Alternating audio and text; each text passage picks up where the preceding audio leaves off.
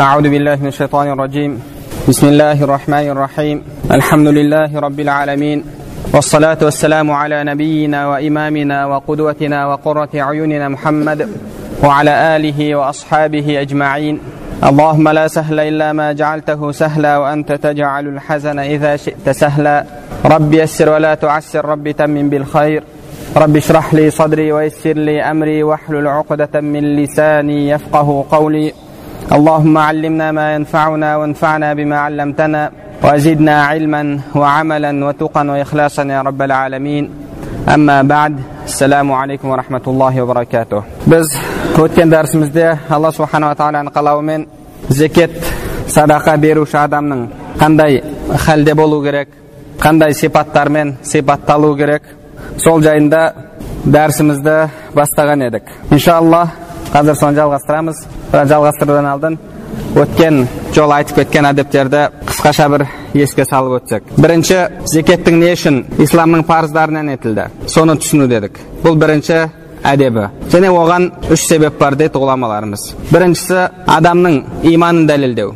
Қаншалықты алла субханала тағаланы жақсы көреді қаншалықты алла субханала тағаланы дүниеден артық қояды мал мүліктен артық қояды қаншалықты өзінің ла иляха иллалла мұхаммад расулалла деген сөзін ісінде дәлелдейді себебі ла иляха иллалла мұхаммад расулалла деген адам үшін алладан артық жақсы көретін еш нәрсе болмау керек ал дүниені адамдар жақсы көреді дүние беруде адамдар сыналады қаншалықты алла субханала тағаланы жақсы көреді қаншалықты алла субханала тағаланың бұйрықтарын артық қояды қаншалықты ақиретті бұл дүниеден артық жақсы көреді себебі тілмен айтылған нәрсені жүрек растау керек және екінші себебі ол адамның нәпсісін сараңдықтан тазалау пайғамбарымыз саллаллаху алейhi өзінің хадисінде үш нәрсе адамды құртады деді соның бірі сараңдық және үшіншісі шүкрун ниама нығметке шүкіршілік алла субханала тағала құран кәрімде егер шүкіршілік ететін болсаңдар мен сендерге артығымен беремін еселеп беремін деді яғни осы себепті аллаху алам зекет исламның парыздарынан етілді бұл бірінші әдебі екіншісі шығару уақытына қатысты алла субханала тағаланы ақиретті артық қойған адам зекетін шығаруда асығады. Ол ертең бір себептермен шығара алмай қалудан қорқады. Үшінші әдебі берген кезде жасырып беру. Себебі пайғамбарымыз саллаллаху хадисінде айтқандай оң қолы берген нәрсесін сол қолы білмеген адам. Ертең қиямет күні көлеңкеде болатын адам. Төртіншісі төртінші әдебі керекті жерде жария етіп беру. Яғни басқалардан таландыру үшін басқалардың есіне салу үшін басқаларға үлгі болу үшін. Немесе сұраушы адам адамдардың көзінше сұрайтын болса. Бесінші әдебі өзінің садақасын зекетін міндет етумен алып жатқан адамға зиян келтіру арқылы сауабын жоймау. Алла субханала тағала құран кәрімде берген садақаларыңды міндет ету арқылы алып жатқан адамға сөзбен болсын іс әрекетте болсын жақтырмаумен зиян келтірумен садақаларыңның сауабын жоймаңдар деді алла субханала тағала құран кәрімде садақа зекетін бермей мал мүлік жинаған адам жайында айтады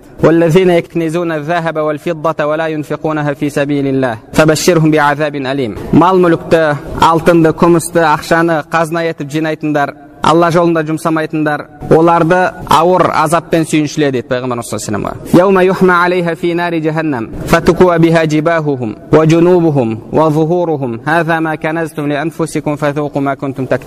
қиямет күні сол алтыны күмісі отта қайнап ерітіліп оның шекесіне басылады. Және жанына басылады арқасына басылады деді яғни ертең қияметте өзіне зекетін шығармаған садақасын бермеген мал мүлкі үтік болып басылады. Міне өздерің үшін жинаған мал мүліктерің. Жинаған нәрселеріңнің дәмін татыңдар дейді алла субханала тағала ғұламаларымыз айтады не үшін бірінші оның шекесіне басылады оның жүзіне басылады? Себебі аллаху алам оның алдына біреу келген кезде маған көмектесші қажет болып тұр саған алла мүмкіншілік берді ғой деп сұраған кезде ол оны жақтырмайды шекесі тырысады сол үшін де бірінші шекесіне басылады деді одан кейін ол адамға жанын береді яғни бұрылады сол үшін де оның жанына басылады кейін артын беріп жүріп кетеді деді сол үшін де оның артына басылады деді яғни беріп жатқан кезде шеке тыржайту ұнатпаған кейіп таныту бұның бәрі алып жатқан адамға зиян жеткізу адам алла субханала тағала жолында беріп жатқан кезде оған қуану керек ол қаншалықты қуанса соншалықты оның иманының дәрежесінің көрсеткіші себебі ол басқа адам үшін беріп жатқан жоқ өзі үшін беріп жатыр өзінің ақиреті үшін беріп жатыр және сондай ақ беріп жатқан нәрсесі кетпейді ол ертең өзіне қайтады ертең өзіне еселеніп қайтады алла субханала тағала құран кәрімде алла жолында мал сарып ететіндердің мысалы дейді олардың беріп жатқан малдарының мысалы хабба бір дән секілді дейді бір дәннен жеті масақ өсіп шығады. Және әрбір талда жүзден дән бар. Және алла субханала тағала сіздің беріп жатқан садақаңызды зекетіңізді жеті жүз есеге дейін және кімге қаласа одан да көбірек етіп береді. Сіз алла жолында беріп жатқан кезде бір оборотқа салып жатқан адам сияқтысыз. Бірақ ол ақирет тижараты бұл дүниенің сауда саттығы бұл дүниенің тижараты бұл дүниенің саудасы емес ақирет саудасы. Ал ақирет саудасында адам зиян шекпейді. Бұл дүниеде бір нәрсеге адам оборотқа ақша салса бір жерде зиян шегуі мүмкін банкрот болуы мүмкін. Бірақ алла субханала тағаланың жолында ақирет жолында оборотқа салған адам ешқашан зиян шекпейді. Алла субханала тағала құран кәрімде пайғамбарымыз саллаллаху алейхи уассаламға мұсылмандарға айтты сендерді ауыр азаптан құтқаратын сауда саттықты көрсетейін бе тижаратты көрсетейін бе деді.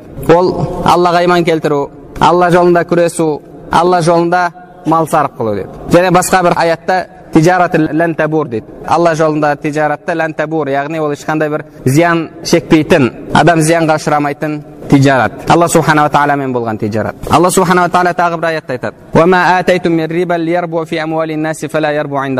адамдарға процентке ақша берсеңдер деді ақшаларыңды көбейту үшін мал мүліктерін көбейту үшін алланың алдында ол нәрсе көбеймейді деді бірақ алла жолында берген зекеттеріңді алла субханала тағала еселеп оны көбейтеді дейді яғни біз алла жолында ақша салсақ алла субханала тағала оны бізге еселеп береді кім аллаға қарыз берсе дейді алла субханала тағала жолында мал жұмсайтын болса ол алла субханала тағала қарыз бергенде алла субханала тағала ертең оған қиямет күні өзіне қайтарады оны есе есе етіп береді деді. Бұл дүниеде риба харам. Риба дегеніміз процент. Яғни біреуге қарызға ақша беріп қайтарар кезде үстіне қосып алу. Ақша қосып алу немесе басқа бір нәрсе қосып алу. Ғұламаларымыз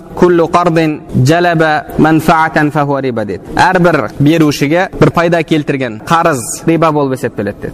Яғни сіз қарыз бердіңіз ба ол сізге қосымша ешқандай бір пайда келтірмеу керек. Қарыз берушіге дүнияуи пайда келтірген қарыз риба болып есептеледі. Сол үшін де ғұламалар ғұламаларымыз сондай тақуа ғұламалар біреуге қарыз беретін болса оның үйінің көлеңкесінде демалудан да қашатын болған. Пайдаланып қалмайын деп. Риба бұл дүниеде адамдардың арасында харам. Бірақ алла тарапынан болған риба халал. Яғни сіз алла субханала тағаланың жолында бір дирхам берсеңіз алла субханала тағала оны сізге жеті жүз есе қайтарады. Жеті жүз дирхам қылып еселеп береді. Алла жолында берілген ақша еселеніп қайтарылады. Ол риба халал.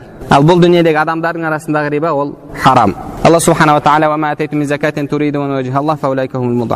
алла жолында берген зекеттеріңді алла субханала тағала еселеп береді дейді бұл ешқандай ұтылмайтын алла жолында тижарат алла субханала тағала муминдердің алла жандарын малдарын сатып алды есесіне оларға жәннат деді есесіне оларға жәннат бұл біздің беріп жатқан нәрсеміз кетіп жатқан нәрсе емес керісінше қалып жатқан нәрсе себебі ол ақиретке қалып жатыр ал ақирет болса қайырлы және ол әрдайым тұрақты қалушы нәрсе бірде пайғамбарымыз саллаллаху алейхи вассалам үйіне келеді айша анамыздан сұрайды әлгі қойдың етін не істедің айша анамыз айтады бір саны қалды қалғаны кетті дейді бір саны үйде қалды өзіміздің жеуімізге қалғанын таратып жібердім қалғаны кетті деді пайғамбарымыз саллаллаху алейхи уассалам жоқ сол бір сан кетті қалғаны қалды деді неге себебі сіз жейсіз асқазаныңыз кетеді дәретке барғаныңызда шығып кетеді болды сонымен бітеді ал алла жолында берген нәрсеңіз қалады алла субханала тағала оны сізге керісінше еселеп береді пайғамбарымыз саллаллаху жоқ бір сан кетті де қалғанның бәрі қалды деп айтты деді себебі бұл жерде пайғамбарымыз саллаллаху ақиретке қарап жатыр ақирет көзімен қарап жатыр сол үшін де адам ешқандай міндет етпеу керек ешкімге зиян жеткізбеу керек және алтыншы әдебі алтыншы міндеті беріп жатқан нәрсесін көп көрмеу аз сыну себебі ол алла субханала тағаланың оған берген мал мүлкінен беріп жатыр. Алла жолында беріп жатыр. Алланың малын алланың дүниесін алла жолында беріп жатыр. Алла субханала тағаланың берген нәрсесін өзіне беруде азын беріп көбін өзіне алып қалса ол оны көпсінбеу керек керісінше азсыну керек және ғұламаларымыз айтады кез келген құлшылық кез келген жақсы амал сіз оны азсынған сайын ол алланың алдында үлкейеді деді сіз оны азсынған сайын бұл аз болып қалды ау кем болып қалды ау деп сіз оны азсынған сайын көп көрмеген сайын ол алла субханала тағаланың алдында өседі деді ал кез келген күнәні кез келген жаман амалды сіз азсынған сайын оны кішкентай көрген сайын ол алла субханала тағаланың алдында үлкейе береді деді алланың алдында ол үлкейе береді жақсы амалды сіз азсынсаңыз көп көрмесеңіз ол үлкейе береді жаман амалды сіз азсынсаңыз ол алланың алдында үлкейе береді ғұламаларымыз айтқандай күнә істеген кезде күнәнің кішкентайлығына қарама бірақ кімнің алдында күнә істеп жатсың соған қара деді. Соның ұлықтығына қара. Яғни алла субханала тағаланың ұлықтығына қара деді. Және бір ғұлама айтқандай кіші күнәні кіші деп көрме дейді себебі тау да тастан құралады деді. Тау да тастан құралады. Кішкентай күнә ол болмашы күнә ол ешнәрсе қылмайды деп адам менсінбесе ол алланың алдында үлкейе береді. Және ғұламаларымыз айтқандай тәубемен күнә жоқ яғни тәубе етумен күнә жоқ. Алла субханала тағала үлкен күнәңіз болса да кешіріп жібереді ал исрар дейді яғни қайта қайта қайталаумен кішкентай күнә жоқ оның өзі үлкен күнә болып кетеді. Және кез келген нәрсе кішкентай болып басталады. Тау тастан құралады. Таудан қар түскен кезде де басында ол кішкентай болып түседі да кейін таудың етегіне келген кезде жиналып келіп ауылды қиратып жіберетіндей ауылды басып қалатындай көлемде ұлғаяды сол үшін де адам кез келген жақсы амалын аз көру керек. Алла субханала тағаланың жолында кез келген жақсылық аз. Себебі есесіне алла бізге жәннат береді. Құранда айтқандай малдарыңды жандарыңды сатып алды есесіне сендерге жәннат деді ал жәннатты ақшамен бағалап болмайды. Сіз жәннат жолында не сарп қылсаңыз да аз. Алла ризашылығы жолында.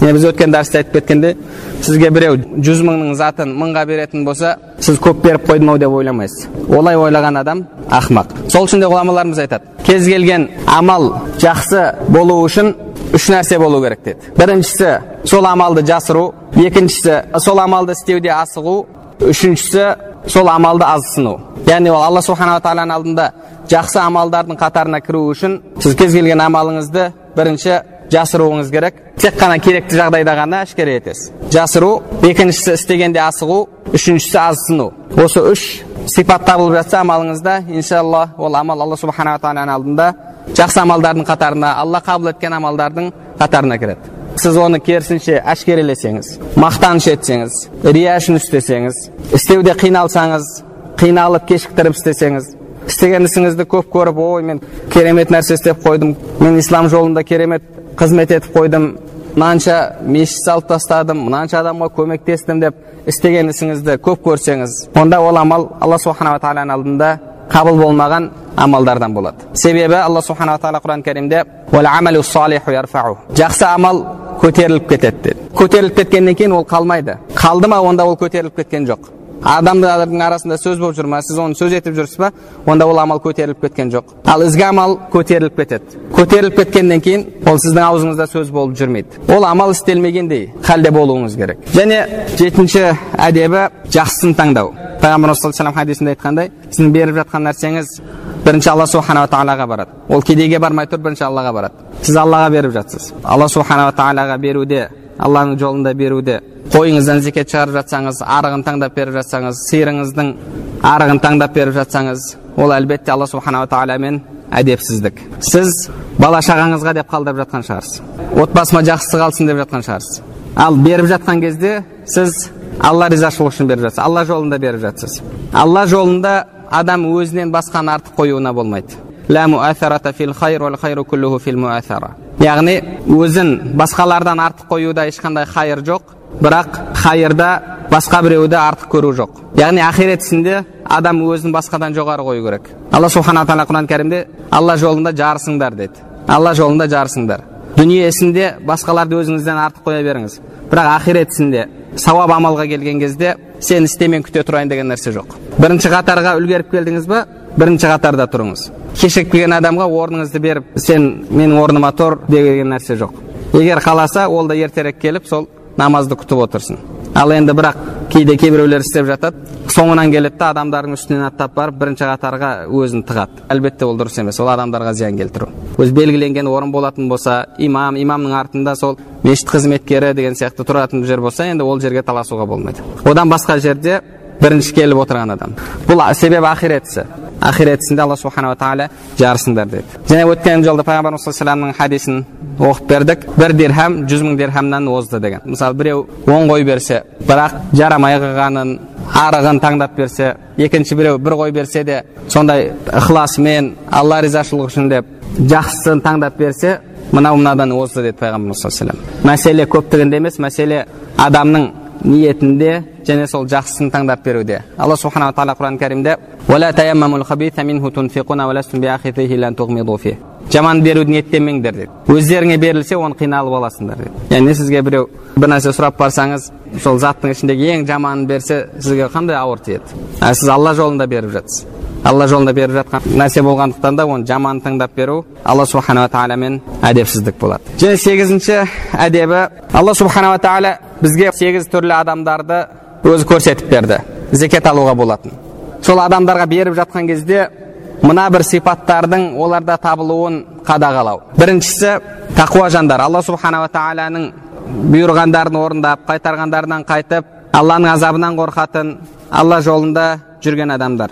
Пайғамбарымыз саллаллаху алейхи уассалам имам абу дауд имам термизилер әбу саид әл худри радиаллаху анхудан келтірген хадисте айтады. Тақуа адамның ғана тамағын же дейді және сенің тамағыңды тек қана тақуа адам жесін деді себебі сіз тақуа адамға көмектесуіңіз оған ибадатта құлшылықта көмектесуіңіз себебі ол бір нәрсе жесе ибадатқа жұмсайды оны яғни онда күш қуат пайда болған кезде ол оны ибадатқа жұмсайды алланың құлшылығына жұмсайды сіз соған себепші болып жатсыз алла субханала тағала құран кәрімде жақсылықта тақуалықта бір біріңе көмектесіңдер дейді күнәда бұзғыншылықта бір біріңе көмектеспеңдер деді яғни сол нәрсеге себепші болмаңдар деді және одан кейін тағы да айтып кететін нәрсе пайғамбар саллаллаху хадисінде қазір айтып жатқаны тағамың тек қана тақуа адам жесін деген жалпы адам әрдайым тақуалармен дос болу керек жақсы адамдармен дос болу керек арабтарда ас сахибу сахиб дейді ас сахиб дос бірге жүруші адам сахиб дейді сахиб деген сөз өзіне тартып алушы өзіне тартып алады айтылатын сөз бар ғой досыңның кім екенін айт саған өзіңнің кім екеніңді айтамын деді себебі пайғамбарымыз саллаллаху алейхи вассалам айтқандай адам досының дінінде деді адам досының дінінде адам күнәһарлармен дос болса ертең уақыт өте келе сол нәрсеге үйреніп кетеді еті үйреніп кетеді алла субханала тағала құран кәрімде иман келтіргендер аллаға тақуалық жасаңдар және шыншылдармен бірге болыңдар деді садиқ шыншыл адам алла субханала тағала солармен бірге болыңдар дейді себебі адам әсерленеді досымен әсерленеді достары тақуа болса оған сауап істе көмектеседі ақирет жолында көмектеседі оның өзгеруіне себепші болады керісінше болған адам жаман жағынан әсер етеді біріншісі тақуа адамды тауып беру бұл бірінші сипат және екінші сипаты ғұламаларымыз айтады білім иелерінен немесе білім іздеп жүргендерден болуы деді себебі сіз білім іздеп жүрген адамға оқып жүрген адамға көмектесетін болсаңыз сіз оның білім алуына көмектесіп жатсыз ал білім әлбетте құлшылықтардың ең абзалынан алла субханала тағала білім иелерін басқалардан артық етті құранда алла субханала тағала иман келтіргендер және білім берілгендердің дәрежесін көтеріп қойды деді. Білушілер мен білмейтіндер тең бе? деді. Пайғамбарымыз саллаллаху алейхи уассалам өзінің хадисінде әл әмбия ғұламалар пайғамбарлардың мирасқорлары дейді. Имам абдулла ибн мубарак радиаллаху анху үлкен тақуа ғұламалардан болған имам абу ханифаның шәкірттерінің де қатарына кіргізіледі. Бір жылы алла жолында шайқасқа шықса екінші жолы қажылыққа баратын болған және алла байлық беріп қойған кісілерден болған. Сол кісі білім іздеп жүргендерге көмектеседі екен. Неге енді тек қана осыларға көмектесесің деген кезде мен пайғамбарлықтан кейін білім іздеуден артық дәреже мақам білмеймін деген екен. Бірінші пайғамбарлық болатын болса одан кейін білім іздеу. Себебі пайғамбар саллаллаху ғұламалар пайғамбарлардың мирасқорлары деді. Екінші сипат білім іздеушілерден болуы. Және үшінші сипаты таухидта шыншыл болған адам деді яғни таухид дегеніміз алланы бір деп білу барлық нәрседе пайда келтіру зиянды кетіру рызық жақсылық жамандықта құлшылықта барлық нәрседе алла субханала тағаланы бір деп білу яғни ол адам сондай адам болу керек біреуден жақсылық келген кезде оның алла субханала тағаладан екенін біледі ортадағы адам ол тек қана себепші алла жүрегіне салды ол бір себепші бірақ рызық алладан ол бір нәрсе келген кезде бірінші алла субханала тағалаға шүкіршілігін айтатын адам. Яғни рызықтың қай жақтан келіп жатқанын білетін адам. Ал адамдар өкінішке орай рызықты істеп жатқан жұмысынан немесе сол айлық беріп жатқан адамынан көріп қалған. Ал рызық алла субханала тағаладан алла субханала тағала құран кәрімде кім тақуалық жасайтын болса алла субханала тағала оны кез келген тығырықтан шығарып қояды ол күтпеген жерден оған ризық беріп қояды деді. Яғни алла субханала тағала миллиондаған жолы бар сізге рызық жеткізуінің. Бірақ біз өкінішке орай сол рызық алладан деген сеніміміз әлсірегендіктен де рызықты тек қана сол айлығымыздан күтеміз жұмысымыздан күтеміз. Алла субханала тағала адам күтпеген жерден рызық беріп қояды деді. Рызық алланың қолындағы нәрсе.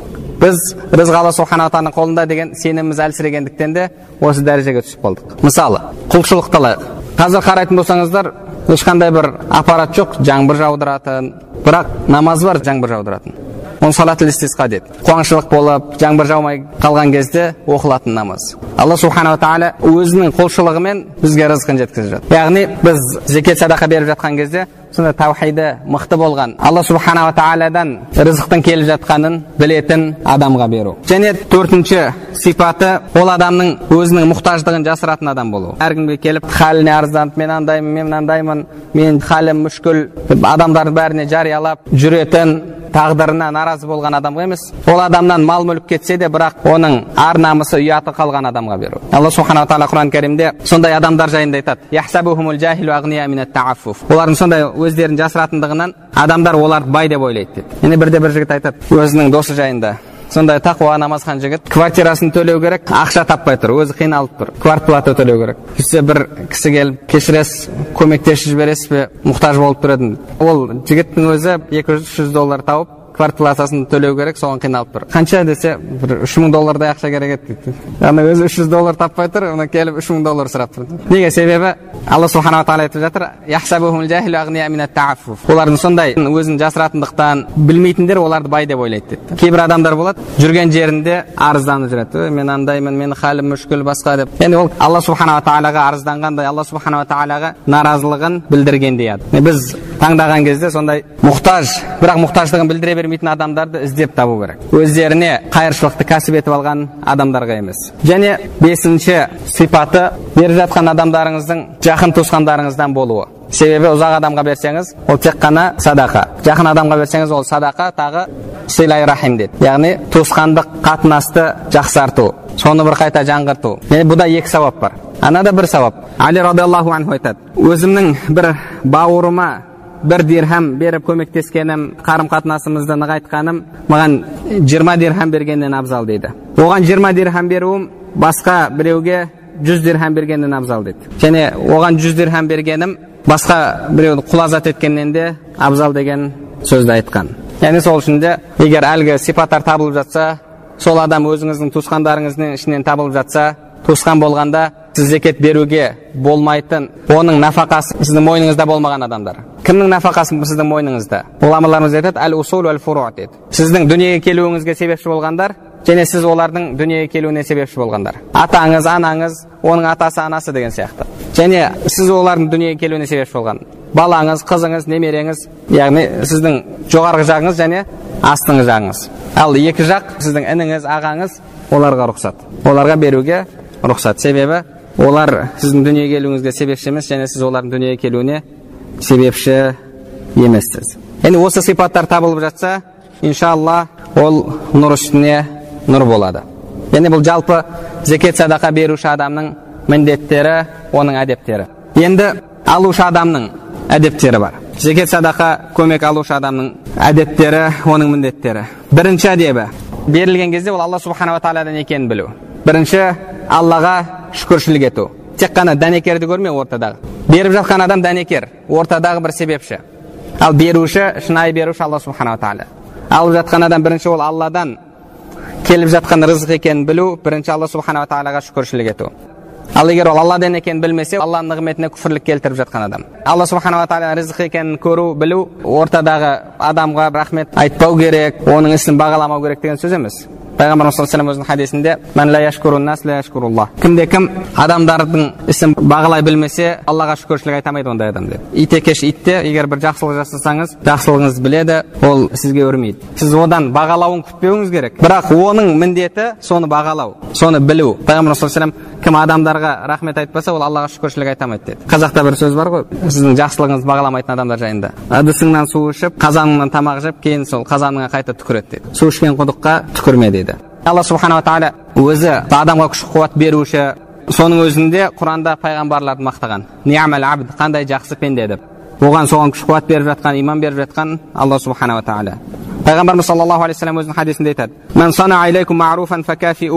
Сендерге біреу жақсылық істесе оны қайтарыңдар деді егер қайтара алмасаңдар оған дұға жасаңдар деді оны қайтардым деп ойлағанша дейді. Енді соны жақсылығын қайтардым деп ойлағанша оған дұға жасаңдар дейді хадисті имам әбу дәуд насаилер ибн омар анхудан келтіреді және беріліп жатқан нәрсенің айыбын жасыру оны айтпау ой пәленше маған мынандай беріп болмайтын нәрсе беріпті жарамай қалған нәрсе беріпті деп айтпау себебі бұл алладан келіп жатқан рызық алладан келіп жатқан рызыққа айып тағуға болмайды яғни беріп жатқан адам көпсінбеу керек алып жатқан адам азсынбау керек беріп жатқан адамның міндеті беріп жатқан нәрсесін азсыну мен аз беріп қойдым ау мен алла субханала тағаланың жолында аз жұмсап қойдым ау деп ал алып жатқан адам ол алладан келіп жатқан рызық. Алланың рызқына шүкіршілік айту керек. Ой мына оңбаған басқасын берсе де болар еді ғой деп. Манағы қой берген адамға мынау адам оңбаған адам екен арқан беруге жарамай қалды ма деген сияқты. Яғни адамда ол нәрсе болмау керек. Беруші беріп жатқан нәрсені азсыну керек алып жатқан адам қайта көп көру керек. Себебі ол алла субханала тағаладан келіп жатқан ризық. Және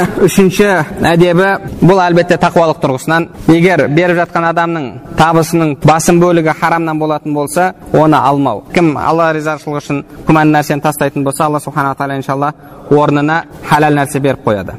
Халалін өзі жеткізіп қояды. Имам мәликтен келетін сөз кім бір нәрсені алла ризашылығы үшін тастаса алла субханала тағала одан хайырлысын беріп қояды деді бұл тақуалық тұрғысынан бұл міндет пе уәжіп пе жоқ уәжіп емес бір адам харамнан ақша табады сізге ақша беріп жатыр. Харамнан тапқан үшін оған ол харам бірақ сіз халал жолмен одан алып жатқан кезіңізде сіз одан ұрлап алып жатқан жоқсыз тартып алып жатқан жоқсыз сізге ол харам болып өтпейді ақша деген бір нәжіс нәрсе емес мысалы материальный нәжіс нәрсе бар сіздің денеңізге тисе денеңіз нәжіс етеді екінші адамға тисе онда нәжіс етеді ақша ондай нәрсе емес тауып жатқан адам харамнан тауып жатса ол үшін харам бірақ сіз оны халал жолмен алып жатсаңыз сізге ол харам емес мысалы сол харамнан ақша тауып жатқан адам үйінде стройка болды сіз ұста ретінде барып жұмыс істедіңіз одан ісіңіздің ақысын алдыңыз сізге ол халал себебі сіз оны харам жолмен тауып жатқан жоқсыз. Бірақ енді мына жерде айтып жатқаны ол әдебі тақуалық тұрғысынан. Табысы күмәнді болатын болса одан алмау. Және төртінші міндеті өзіне қажет болса алу қажетінен артық алмау. Себебі басқа бауырлары бар оларды да ойлау керек.